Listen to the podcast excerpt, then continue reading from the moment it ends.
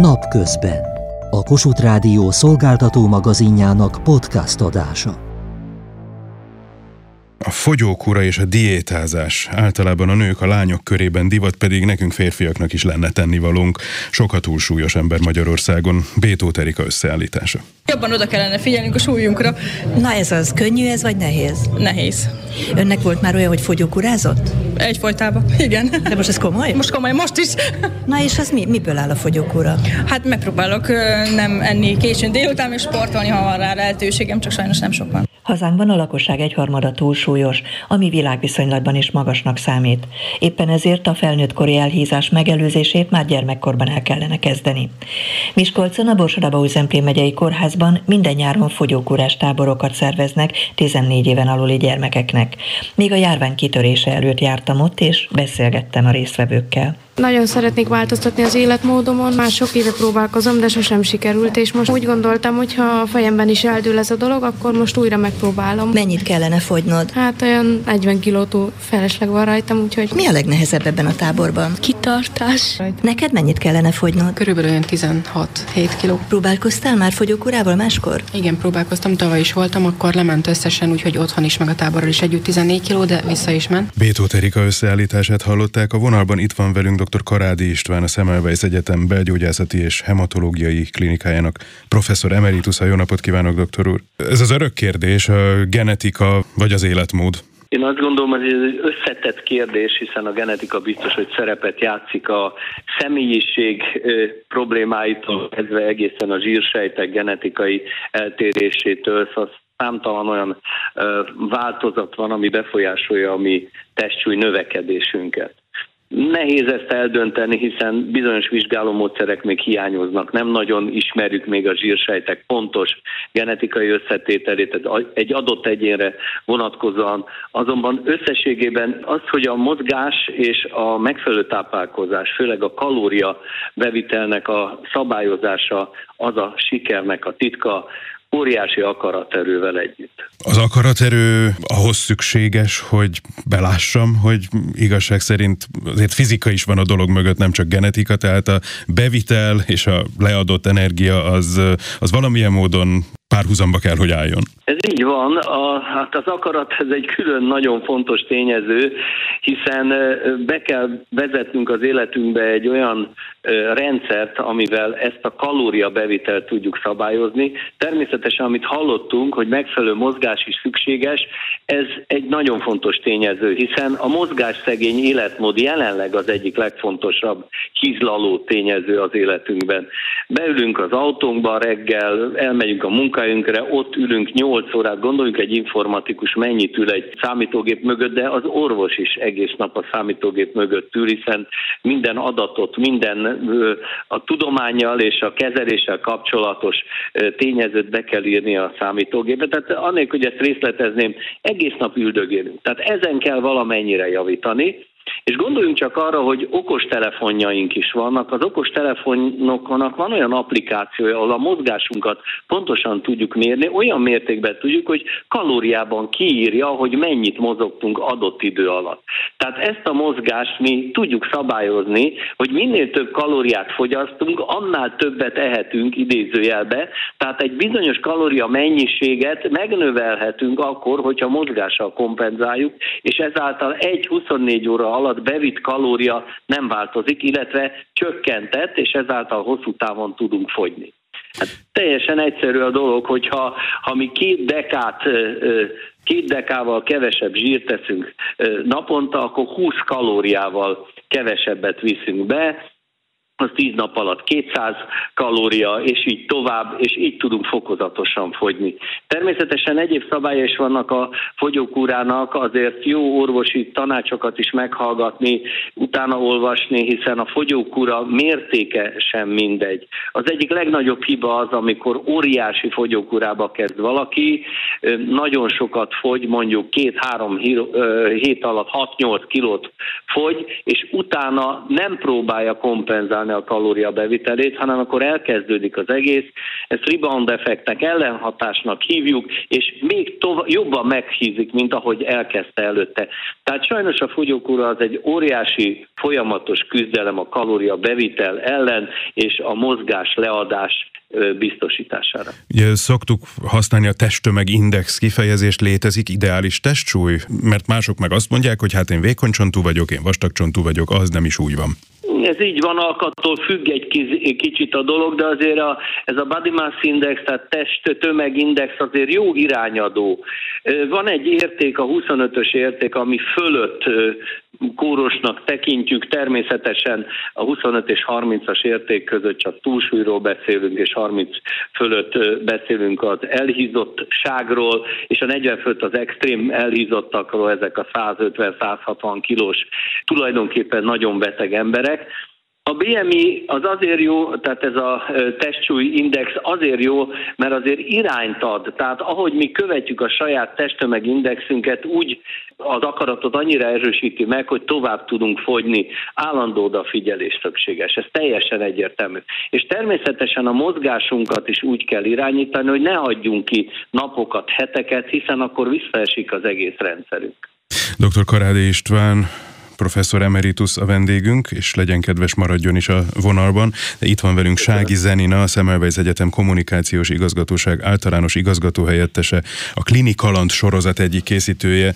Mi ez a Klinikaland? Ez a Szemelweis Egyetem szakértőinek segítségével készülő animációs ismeretterjesztő sorozat. Elsősorban egészségügyi témában készítjük ezeket annak érdekében, hogy a laikus közönség még jobban megértse azokat a folyamatokat, amik az ő egészségük hátterében állnak. És akkor ezek szerint a Klinikaland következő epizódja az éppen az elhízásról szól. Milyen oldalról fogják meg a témát? Tulajdonképpen egy általános áttekintést szerettünk volna adni, hogy milyen folyamatok állnak az elhízás hátterében. Sokkal könnyebb valamit úgy megcsinálni, akár egy fogyókurát, akár egy mozgásos tevékenységet elkezdeni, hogyha értjük, hogy milyen kockázatokat jelent számunkra az az adott probléma, akár a túlsúly, akár ha már valaki elhízott tehát ezeket a folyamatokat próbáljuk meg bemutatni, illetve gyakorlati segítséget is ahhoz, hogy valaki a saját testtömegindexét ki tudja számolni, vagy hogy mik azok a, a lépések, amik elengedhetetlenek ahhoz, hogy egészséges testsúlytartományba tudjunk kerülni, és azt fenntartani. Alapvetően kinek szól? Alapvetően mindenkinek, aki tudatosan próbál erre odafigyelni, próbáltuk nem csak azokat a, a, az érdeklődőket megcélozni, akik olvasnak különböző egészségügyi témákat, hanem olyanokat is, konkrétan fiatalabbakat, akiket, akiket jobban érdekel, hogyha valami szórakoztató, esetleg humoros formában, ugyanakkor nagyon pontosan és szakszerűen tájékoztatva tudja bemutatni az adott témát.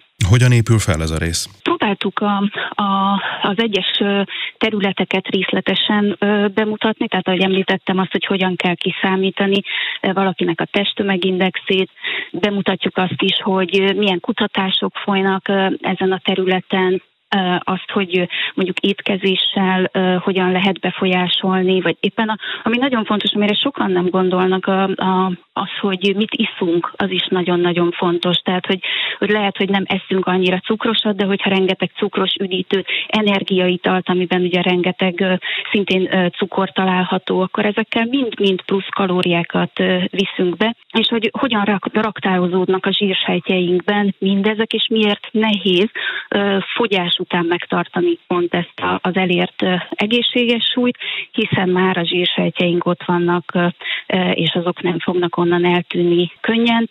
Tehát ezeket mutatjuk be nagyon szemléletesen, tehát itt azon is van hangsúly, hogy nem csak elmondunk valamit, hanem konkrétan be is tudjuk mutatni a rajz segítségével, és egy kicsit szórakoztató módon, egy pici humorral fűszerezve mindezt. Hogyha megnézzük a YouTube-on ezeket a Klinikaland epizódokat, akkor azt látjuk, hogy nagyjából egy évvel ezelőtt kezdték el a sorozatot, és elég sűrűn jöttek egymás után. Milyen gyakorisággal kerülnek fel újabb részek? Hát igen, ehhez tudni kell, hogy minden házon belül készül, egy nagyon kicsi tím készíti ezeket a filmeket, és, és hát sok ideig tart egy-egy résznek az elkészítése. Általában összevárjuk, amíg egy pár rész elkészül, és azért volt az, hogy tavaly tavasszal egymás után ki tudtunk öt részt adni. Ugye itt nagyon fontos témáról, magáról a koronavírus elleni védőoltásoknak a bemutatásáról is volt szó, illetve az álhírek ellenében készült az, hogy hogyan is engedélyeztetnek egy-egy oltást, de beszélünk a, a vírusok és a baktériumok közötti különbségekről. Egy másik nagyon fontos téma az antibiotikumoknak a túlzott használata ellen is bemutatjuk, hogy miért lehet ez káros, illetve hát ami mindenkit érint az immunrendszernek a, a bemutatása, és az idei évadban is így dolgozunk, négy részt készítettünk most el.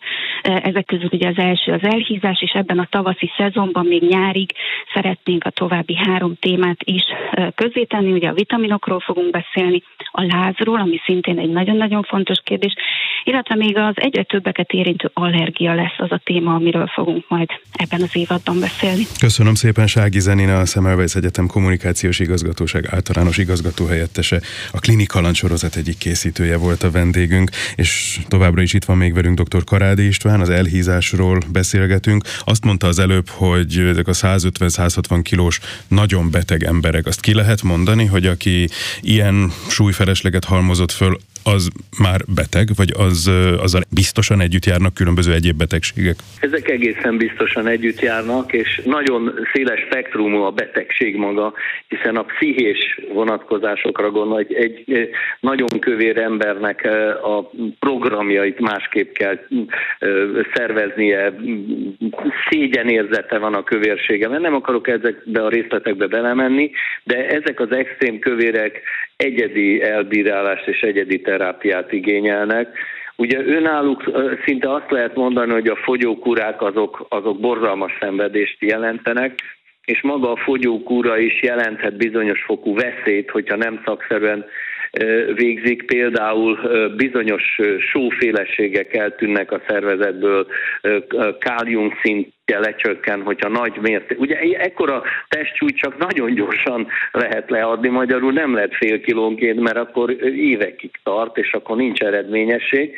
A gyors leadásnak viszont épp az a hátránya, hogy számos olyan eltérés lehet, például hús, szint felszaporodik a vérben, a vesét érintheti, károsodást, természetesen a szívet is érinti. Másik oldalról persze az ilyen extrém elhízottak, azok magas vérnyomás betegségben is szenvednek, és természetesen azért a fogyókúrával csökken a vérnyomás, tehát ez egy előnyös része a dolognak. Az utóbbi évtizedekben, mondhatnám körülbelül 20-25 évben elterjedtek bizonyos gyomorszűkítő műtétek, először ö, ö, gyűrű ö, szerű műszereket helyeztek be a gyomorba, és azzal szűkítették. Ma már nagyon korszerű műtéteket végeznek, és ezek nagyon sikeresek. Meg kell mondanom, hogy tényleg sikeresek, egyetlen egy baj van, hogy rendkívül drága műtétek, és kevés a jó szakember ebben a vonatkozásban. Az extrém elhízottaknál meg kell mindig próbálkozni, hogy esetleg gyomorszűkítő műtéttel